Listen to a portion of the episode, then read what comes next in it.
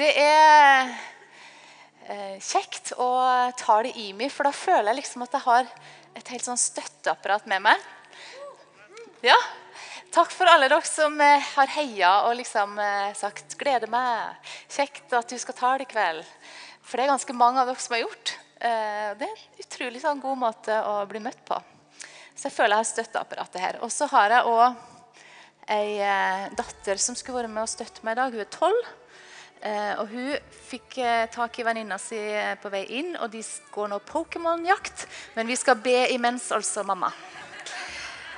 Så jeg føler at jeg er godt ivaretatt. Eh, ellers så vil jeg også si at det er et under at ikke jeg skal ha et tema i kveld som er strømmer av regn. For når jeg forberedte meg, så måtte jeg mot, altså gå imot all naturlig inspirasjon fra å tale om akkurat det. Eh, men jeg skal ikke tale om det. Jeg skal snakke om det å leve under Guds blikk. Eh, og jeg tror kanskje hovedgrunnen til at jeg har valgt å tale om det, eller at det er så viktig for meg, er at jeg jobber der jeg jobber. eh, På bibelskolen. På Akta bibelskole har jeg jobba der i 14 år.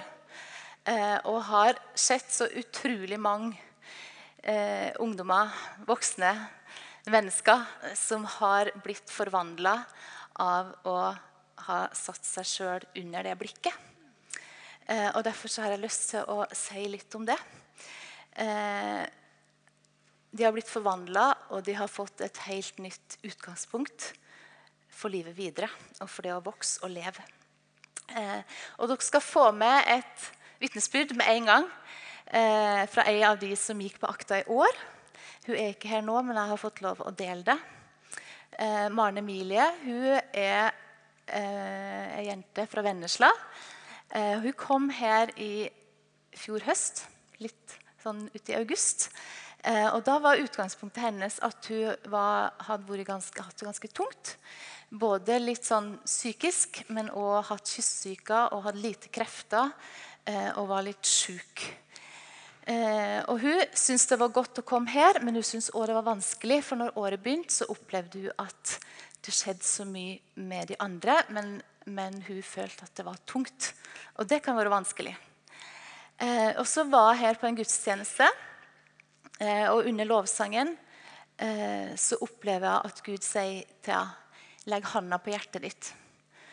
Og så la handa på hjertet sitt, og så hørte jeg Gud si jeg skal, jeg skal helbrede hjertet ditt. Eh, og så opplever hun gjennom det året at Gud eh, helbreder hjertet hennes. Eh, at han eh, leger sår, at han eh, helbreder selvbildet hennes. Og eh, skaper meg nytt inni hjertet. Eh, og det hun sjøl skriver etter året, som takkebønn, som dere, noen av dere sikkert så i vår, det er Takk for at du leget mine sår, helbredet meg på innsiden og ga meg nytt liv. Takk for at du har vist meg at du er større enn alt, og ingenting er umulig for deg. Takk for at du har gitt meg skatter skjult i mørket. Eh, Guds blikk er jo alltid på oss. Eh, men Maren Emilie hun ble klar over det det året som gikk nå. Hun ble klar over eh, hvor hun var hen, og hva for et blikk som hun hadde på seg. Eh, og det ble da helt livsforvandlende for hun. Og Ofte så leter vi kanskje etter liksom, en sånn helt sånn spesiell åndelig opplevelse eller et befriende ord, et profetisk ord, som liksom skal uh, Når du får det, så blir alt nytt, og så, så er alt forandra. Eh, og jeg tror det kan skje. Eh, men jeg tror òg at det er like så viktig at vi er planta under et blikk fra Gud. Eh, og at vi vet at der er vi, enten vi hører mye fra han, eller det er helt taust. Eh, og i hvert fall når jeg ser tilbake, så tenker jeg at det er det største da, eh, i mitt liv. At jeg har fått lov til å være planta under Guds blikk og under hans blikk. Eh, og når jeg var liten, og sikkert mange av dere andre også, så sang vi en sang som var sånn Vær forsiktig, lille hånd, hva du gjør. For vår Gud i himmelen der, han ser ned på jorden her. Vær forsiktig, lille hånd, hva du gjør. Og da var det blikket Da forbandt jeg det litt Det var litt sånn frykt. Det var litt sånn, Jeg måtte gjemme meg for det. Og jeg håpa at det ikke ble oppdaga følelse. Kontroll, overvåking. Og det er jo ikke så veldig positivt. Eh, men er det sånn Guds blikk er? Eller er det et anerkjennende blikk? Eh, et kjærlig blikk? Et helbredende blikk? Er det et fornøyd blikk? Hvordan er Guds blikk? Ganske mange sider her, men jeg har litt dårlig syn, så det er veldig sånn eh, stor skrift. Eh, vi er en menighet som lovsynger veldig mye, og som bruker mye tid på å feste blikket på Gud. Og på å sette ord på hvem han er, og hva han betyr. Og det er utrolig bra og utrolig godt. Eh, men for meg så har lovsang òg, det å være i lovsang, det har òg handla veldig mye om å være under hans blikk. At han er på en måte stiller meg under hvem han er, og at han har sitt blikk på meg.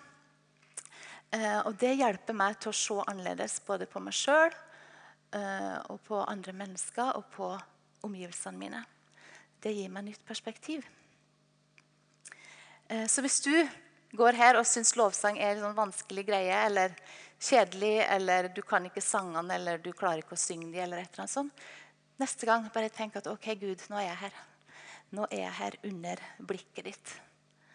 Eh, nå bare er jeg her, og så kan, så kan jeg være med deg. Eh, det er et fristed. Eh, ikke et sted som du skal få til noen ting, eh, men et sted som du bare kan være under hans blikk. Eh, og vi trenger, vi trenger å feste blikket. For det er utrolig mange blikkfang eh, som møter oss. Mange ting som vil fange blikket vårt. Men har dere tenkt på at Gud sitt blikkfang, det er oss? Det er meg. Jeg er hans blikkfang. Eh, og han leter faktisk etter oss for å feste blikket på oss og for å velsigne oss. Eh, I andre krønikerne 6,9 så står det for Herrens øyne farer over hele jorden for kraftig å støtte den som er helt med ham i sitt hjerte. Gud leter etter å få liksom feste øynene på oss og støtte oss kraftig. Så Guds ønske om å velsigne meg og mitt liv er faktisk mye større enn mitt ønske om å bli velsigna. Eh, jeg skal lese Salme 67. Den kan dere sikkert slå opp hvis dere vil. Eh, det er en salme som ligner veldig på eh, den velsignelsen som sikkert Egil skal si i slutten på gudstjenesten, og som vi ofte får med oss på veien. Men nå skal jeg lese Salme 67. Må Gud være oss nådig og velsigne oss. Og må Hans ansikt lyse over oss så din vei kan kjennes på jorden. Din frelse blant alle folkeslag. Folkene skal prise deg, Gud. Alle folk skal prise deg. Folkeslagene skal glede seg og juble. For du skal dømme folkene uten forskjell og lede folkeslagene på jorda. Folkene skal prise deg, Gud. Alle folk skal prise deg. Så skal jorden gi sin grøde. Gud, vår Gud, skal velsigne oss. Gud skal velsigne oss, og alle jordens ender skal frykte ham. Um, Guds hjerte og Guds blikk leter etter oss for å velsigne oss. Uh, og hva er det som er målet for hans velsignelse? Det står at vi skal kjenne hans vei. Og hvorfor skal vi kjenne hans vei?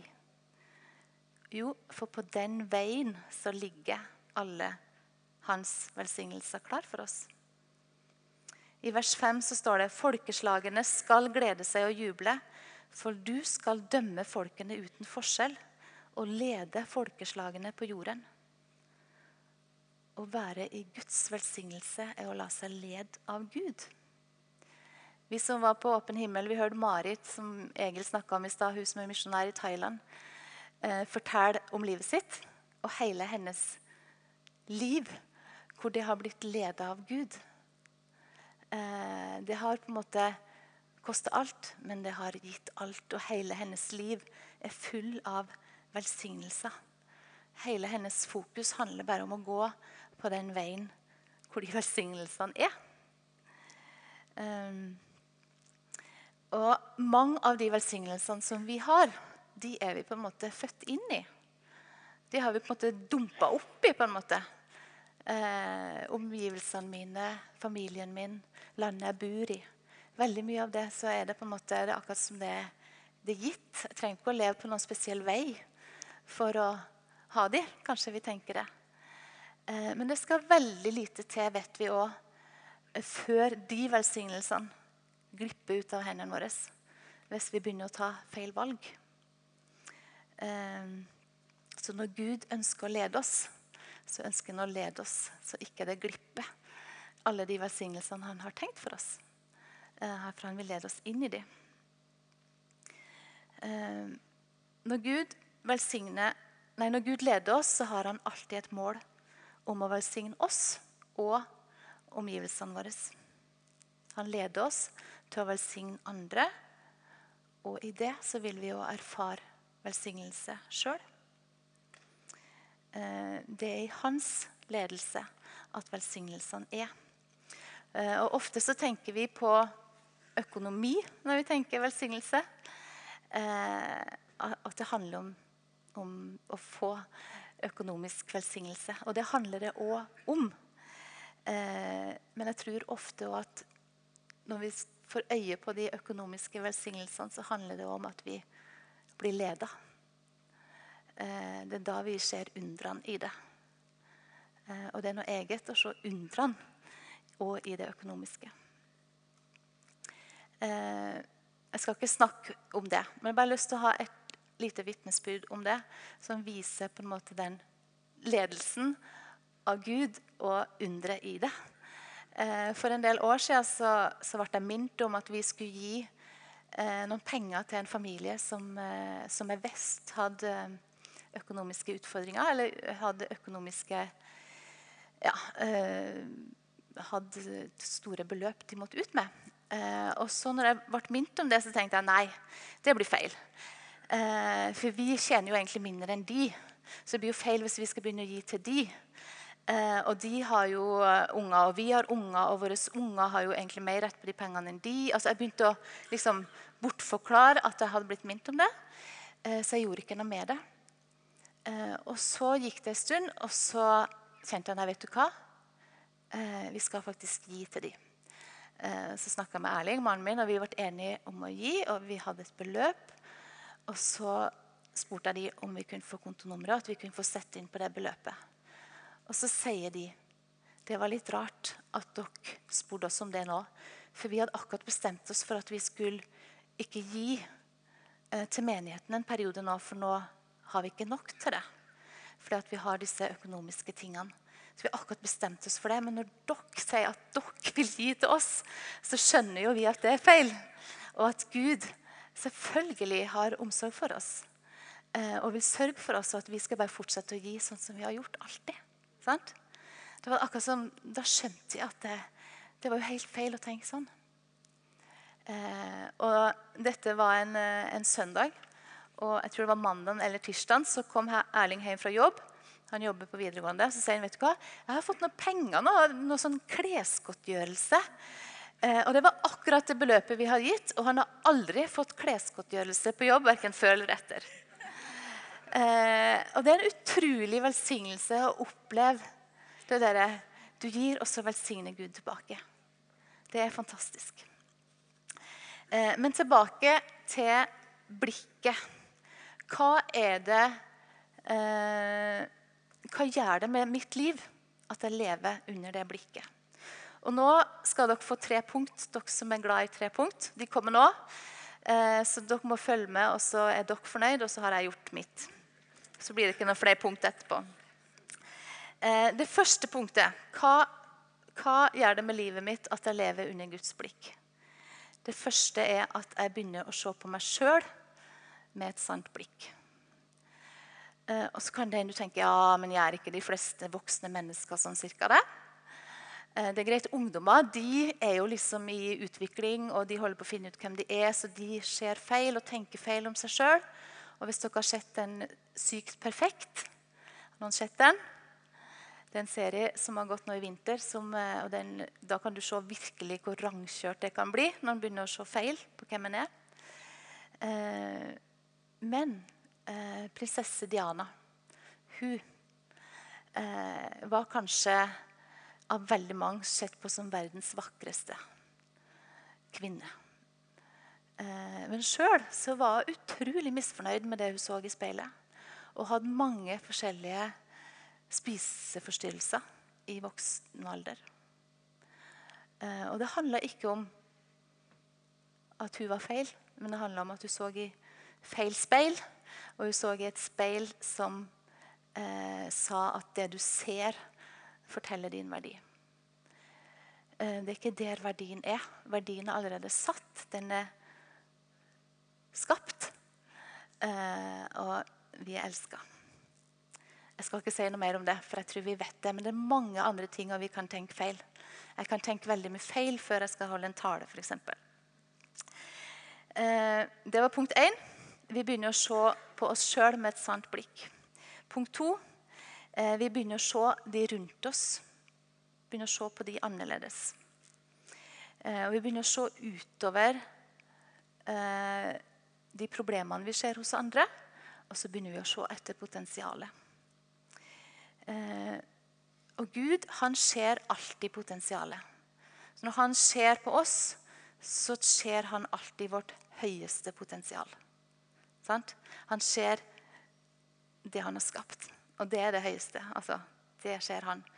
Eh, og så eh, tenker vi ofte at hvis noen tabber seg Hvis Petter Northug, eller når Petter Northug kjører i fylla og krasjer, så tenker vi aha, det var sånn han egentlig var.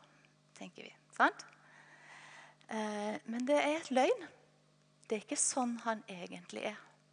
Det var da han bomma på hvem han egentlig var. For han er fortsatt sitt høyeste potensial. Eh, det er den han er. Og det er den Gud sier han er. Så når vi er under det blikket sjøl, eh, så kan vi jo begynne å se etter det hos andre. Begynne å se etter potensialet. Og punkt tre vi begynner å se eh, omgivelsene og livet og situasjonene rundt oss på en annen måte. Eh, vi får et høyere perspektiv. Eh, kanskje begynner jeg å fokusere mer på det jeg forventer, enn på det jeg frykter mer på det jeg håper på, enn det jeg er redd for. Og Kanskje kan det hende at du tenker at ja, alt dette her er jo litt sånn moderne psykologi. Det er jo sånn inn-greier. Eh, men det er faktisk Guds sanne ord og Guds sannheter. Eh, jeg kan, eller jeg er den Gud sier jeg er. Og jeg kan det Gud sier jeg kan, og jeg har det Gud sier jeg har. Det er sannheten. Det er ikke populær psykologi. Det er Guds sannhet. Eh, I Salme 67 så sto det Gud må være nådig og velsigne oss, og hans ansikt må lyse over oss, så hans vei kan kjennes på jorden. Eh, når vi var på Åpen himmel, så fikk vi en del undervisning om veien tilbake til Gud. Eh, og Ut fra Salme 67 så er det en vei. Det er en vei sammen med Gud. Eh, og det er òg en vei tilbake til Gud hvis en har tutla seg vekk, som de sier på stavangersk. Eh, og Gud har tenkt at alle skal komme tilbake på den veien. Sant? Eh, eh alle folk skal prise deg, står det. Eh, alle mennesker eh, ønsker Gud å ha inn i sin vilje og på sin vei. sånn at vi kan leve livet vårt i velsignelse og til velsignelse. Gud ønsker å ha fellesskap med alle mennesker. Eh, vi er skapt til det. Eh, et fellesskap som egentlig var der, men som ble brutt. Eh, og som hele menneskeheten har lidd under. Eh, og som Gud har lidd for å gjenopprette. Eh, og jeg tror alle har en lengsel inni seg etter å komme tilbake til den, det fellesskapet. Eh, ved å leve under Guds blikk så begynner vi å se annerledes. Mitt blikk blir annerledes. Eh, og jeg tror at Gud ønsker å bruke våre blikk, da, den måten vi ser på mennesker på, til å gjenopprette disse relasjonene som har blitt brutt. Resten av denne talen så skal vi bruke litt tid på å se noen små klipp fra en eh, dokumentar om kong Harald. Jeg er ikke sånn superrojalist sånn at jeg elsker dokumentarer om kongen. så det er ikke det at nå benytter jeg sjansen til det. Eh, men den, akkurat den episoden så fikk jeg så mange sånne assosiasjoner til Gud og hvem Gud er. Eh, så vi skal se litt på de. Eh, det er en dokumentar som ble sendt, sendt i vinter. Og hvert fall den episoden, har sett bare den episoden, så jeg vet ikke om resten. Men den episoden den eh, beskriver på en måte hvordan kong, Olav har fått nei, kong Harald har fått betydning i landet og òg i møte med enkeltmennesker. Eh, og Steve han sa i talen sin sist søndag at eh, eh i Norge så har vi kanskje gjort eh, Gud og mennesker litt sånn likestilt. Akkurat som kongen sånn sånn, skal bli veldig sånn menneske. Eh, at det er ikke noe forskjell. Så er Gud og blitt litt sånn som oss. Det er ikke noe forskjell. Eh, og vi kan tenke at det, ja, ja, det er vel og bra at Gud elsker oss, men det er jo enda viktigere at mennesker elsker oss.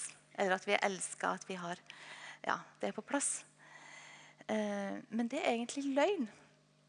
Eh, det betyr alt at den allmektige Gud elsker oss. Eh, og de menneskene som møter kongen da, i den filmen, så gjør det faktisk en forskjell at det er kongen.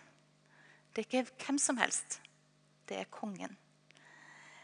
Og hans ord og tilstedeværelse får en kraft.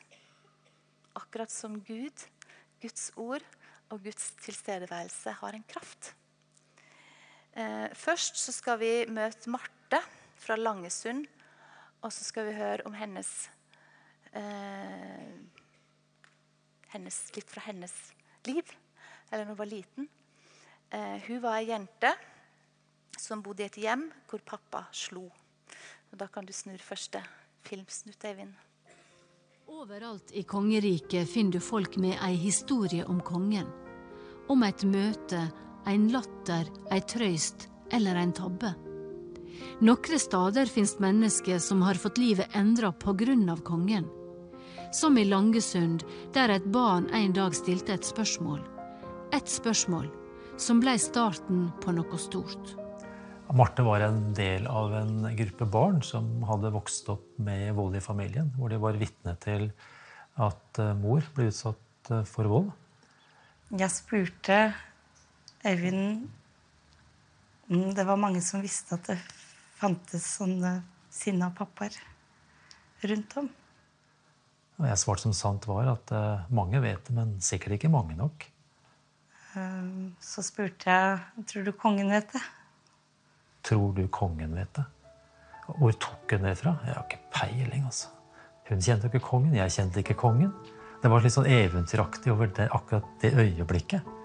Hun kunne ha sagt at og det var da synd, da. men hun spurte tror du kongen vet det. Og svarte jeg nei, jeg vet ikke, Marte. Jeg kjenner ikke kongen. Så sa jeg kanskje vi skulle skrive et brev. Så Øyvind skrev, og vi ble enige om hva vi skulle skrive. Og så posta vi det. Sammen, så vidt jeg husker. Stor konvolutt.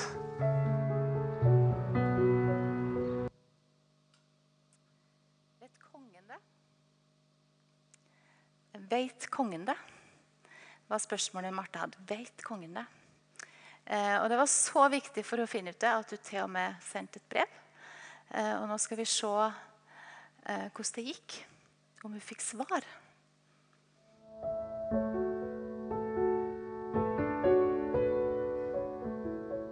Turen inn til Slottet var jo også en del av eventyret. Hvor barna med ett følte seg veldig viktige. De var, da var de kongens inviterte, altså. Det var Øyvind og to kollegaer av Øyvind. Så hadde de leid en minibuss.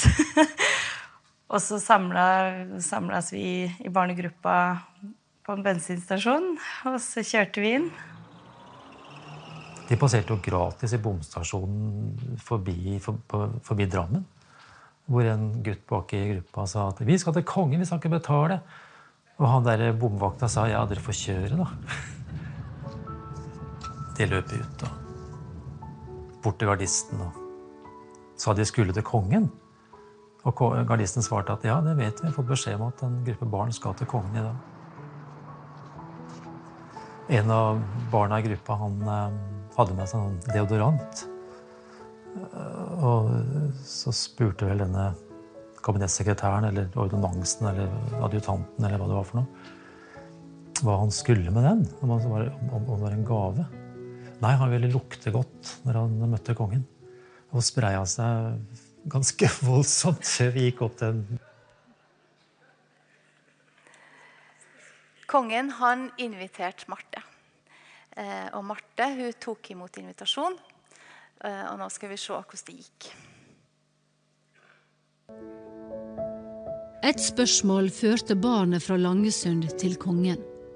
Hun ville at han skulle vite at til og med når han står på balkongen 17. mai, er det barn her i landet som kryper sammen i frykt. Så ble det alvor når eh, adjutanten banka på døra. Høyt oppe. Han måtte strekke seg for å banke. Og hvor eh, vi hørte kongen si 'kom inn'. Ja, vi satt jo her rundt bordet. Og de fortalte om eh, ja, løst og fast, ganske fast egentlig, om, eh, om sine skjebner og hva de hadde opplevd. Marte fortalte jo en fortelling hos kongen som ikke jeg visste om. Det var vel én spesiell opplevelse. Som Det var en 17. mai hjemme. Um, som uh, faren min skulle hjelpe mamma med bunaden. Mm. Og så fikk hun det ikke til. Så ble hun så sinna. Um, og da satt jeg oppe og så på kongen på balkongen. og det kom fram da. Mm.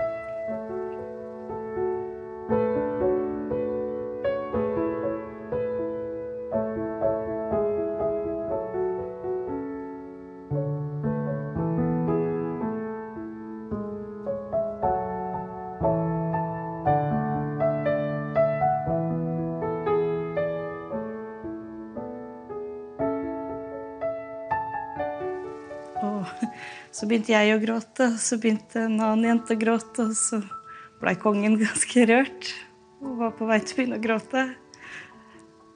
Um, det blei egentlig veldig spesielt. Og så slo det meg at det eneste jeg kan si, og det var det jeg sa da, at det er én ting sa jeg, som jeg var helt sikker på, at det ikke er din skyld. Da følte jeg for første gang at det faktisk ikke var min skyld. Da var det akkurat som 15 kilo forsvant fra skuldrene mine. Det, og det sitter igjen ennå.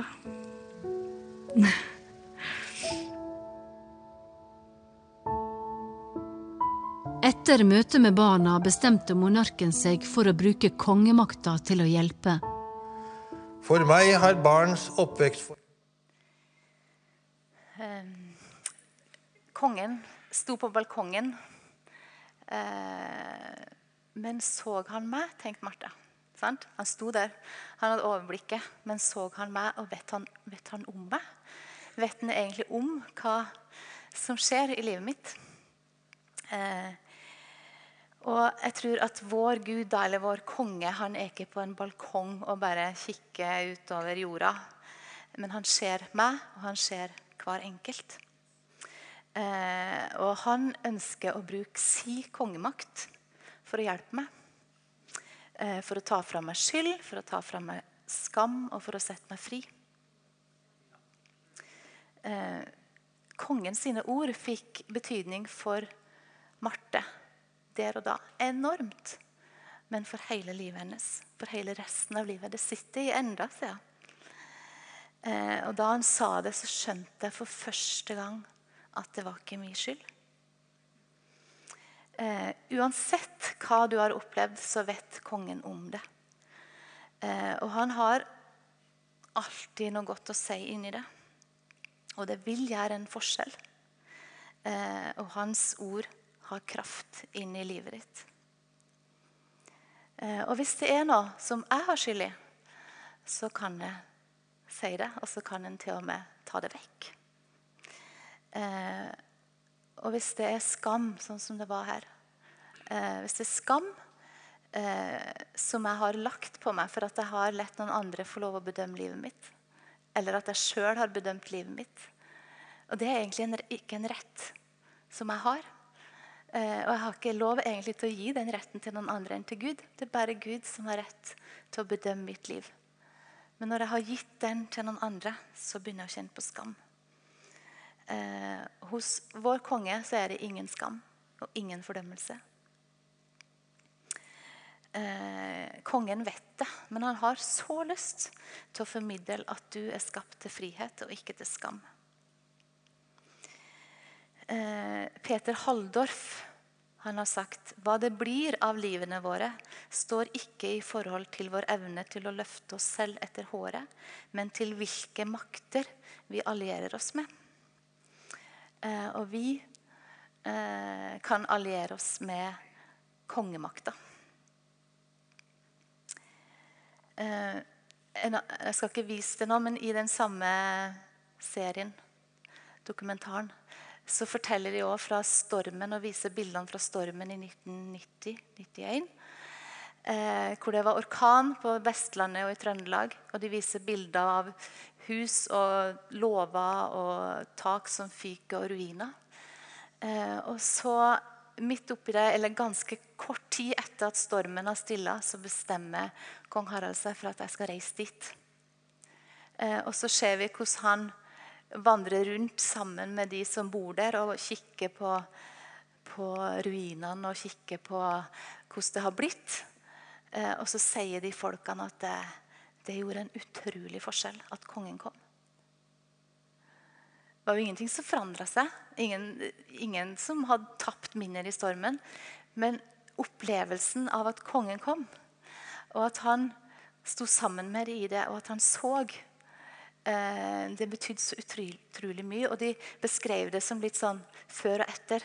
Men når kongen kom, da skjønte vi at vi skal greie dette her. For vi har kongen og Norge sammen med oss. Eh, og jeg har tenkt litt sånn av og til når jeg har vært på Godhet, på Godhetsfestivalen. Eh, og vi er ute og hjelper folk som kanskje det har storma litt i livet til. Og spesielt For to år siden så var vi og mala et hus til en, eh, en, mann på sånn 60 år kanskje, som satt i rullestol for han hadde fått slag. Eh, og så mala vi huset hans. Og så på onsdagen eller noe sånt, torsdagen så vinka han meg inn. Så han kom inn. Så kikka han på meg og sa han, jeg har aldri opplevd så mye godhet eh, som jeg har gjort denne uka her. Så tenkte jeg hm, du er 70 år. Og så har du opplevd mer godhet på disse tre dagene enn på et så langt liv. Det er nesten for utrolig til å være sant. Og så tenkte jeg Men det er jo ingenting som er forandra. Ja, ja, du har fått huset ditt malt, men du sitter fortsatt i rullestol. Du sliter fortsatt med språket, og, og du sliter med å, å, bevege deg. Så det er jo ingenting som er forandra. Men han stråla jo. Eh, og så tror jeg han egentlig hadde hatt et litt sånn besøk inn i sin storm og fått et bilde av at ja, men det er noen som, som står sammen med meg. Det er noen som kanskje kan stå sammen med meg i dette her. Han har fått håp. Eh, og jeg fant en, en, en, definisjon på det å velsigne på data. vet du. Og Der står det å velsigne og overdra en guddommelig begunstigelse til et annet menneske. Å velsigne og overdra en begunstigelse til et annet menneske. Kanskje er det når vi er ute og viser godhet, at vi overdrar en guddommelig begunstigelse. Paulus han sier det når jeg kommer til dere, sier han til romerne, så kommer jeg med en rikdom av Kristi velsignelse. Vi kommer, og så kommer vi med en rikdom av Kristi velsignelse. Eh, til slutt, da. Det handler jo ikke bare om stormer og trist og vonde ting å leve under Guds blikk. Det handler òg om glede, om feiring, eh, om begeistring. Eh, og vi må se et snutt til som kan vise litt det, hvordan det kan se ut. Du klarte det, du, sa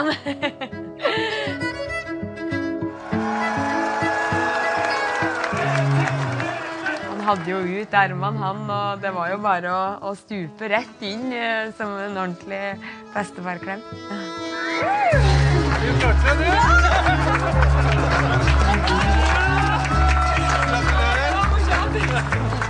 Og likedan Sonja var jo, var jo like ivrig.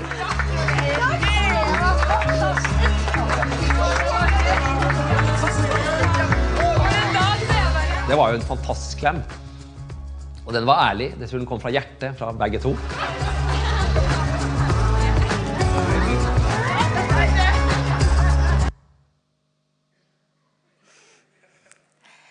Fantastisk eh, med en konge som deler begeistringen.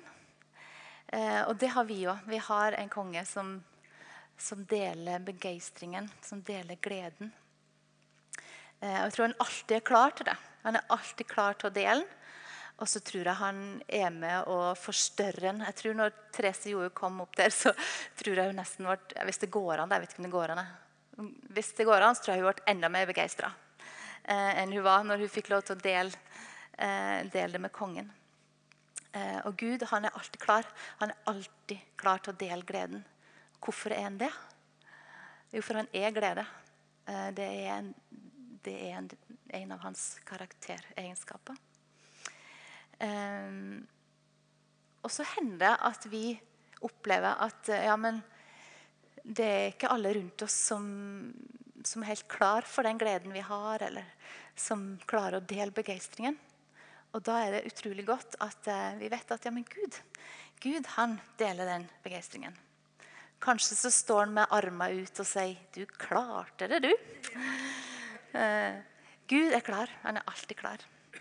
Og kanskje skal vi tenke på det når vi irriterer oss over folk som er litt vel begeistra, eller tar litt av.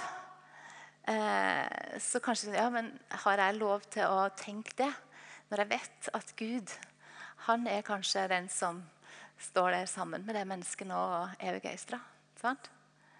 Eh, kanskje vi ikke skal dempe den. Eh, Marte fra Langesund hun opplevde veldig annerledes at det var selveste kongen. Og hun sidestilte ikke hans ord med sine egne ord eller andre sine ord. Og vi kan heller ikke sidestille Guds sine ord med mennesker sine ord. For de er sannhet, og de har kraft, og de har autoritet. Eh, og jeg vet at jeg trenger hans blikk. Jeg trenger de på gode dager, jeg trenger de på vonde dager, jeg trenger de når jeg er glad, når jeg skal feire noe, når jeg er trist. Jeg trenger de for å stå her. Ehm, jeg trenger de egentlig alltid. Ehm, og jeg tenkte at vi dere nå skal få noen minutter til å bare sitte der dere sitter. Eller legge dere ned hvis dere ønsker det, og så bare være under det blikket. Eh, og så skal vi be om at Gud kan fortsette å tale inn mens dere sitter der. For at eh, eh, han eh, Nå står jo jeg her og har overblikk over alle dere, men jeg kan ikke se hver enkelt av dere. sant? Eh, jeg kan ikke vite om hva som rører seg, eller hva dere trenger. Men Gud kan. Og Derfor skal vi bruke litt tid, sånn at han kan tale eh, At du bare skal sette deg litt hos han, og så kan det hende han har lyst til å si noe til hver enkelt av oss akkurat nå. Eh, vi skal, mens vi skal gjøre det, så skal vi høre en sang. Jeg har bare lyst til å be i bønn først.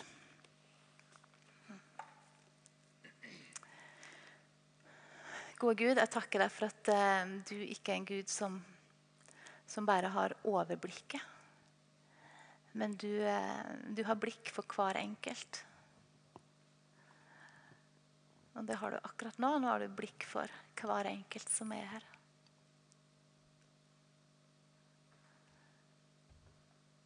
Bare ber om at du skal eh, tale til hver enkelt sånn som, sånn som hver enkelt trenger det.